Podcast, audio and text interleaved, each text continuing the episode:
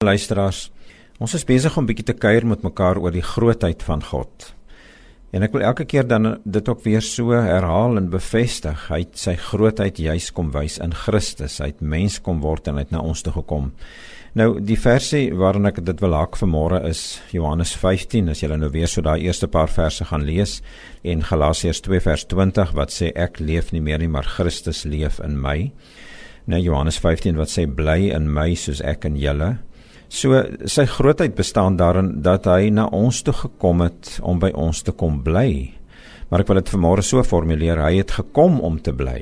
Met ander woorde niks gaan hom afsit nie. Hierdie keuse van hom, nee, dit beskryf sy grootheid, hierdie keuse van God met respek gesê om te kies om na my toe te kom en na jou toe te kom, ons as sondige mense, nietige mense met tekortkominge en swakhede en wat ook al.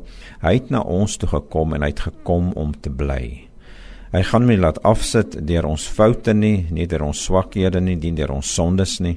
Hy gaan nie sy rug eers draai en sê nee, ek het nou lank genoeg met jou moed gehou en en jy tree nie op soos wat ek graag sou wou hê jy moet optree nie en jy reageer nie reg op my genade en my goedheid in jou lewe nie. Niks daarvan nie. Hy het gekom om te bly. God se grootheid bestaan daarin dat hy na ons toe gekom het om te bly. En as hy gekom het om te bly, beteken dit ek en jy kan in elke oomblik, elke sekond, by elke geleentheid absoluut staat maak op sy krag. Staat maak op sy raad, staat maak op sy hulp, staat maak op sy troos. En soos 'n mens met hierdie gesprek kan aangaan en die voorbeelde noem, hy het gekom om te bly.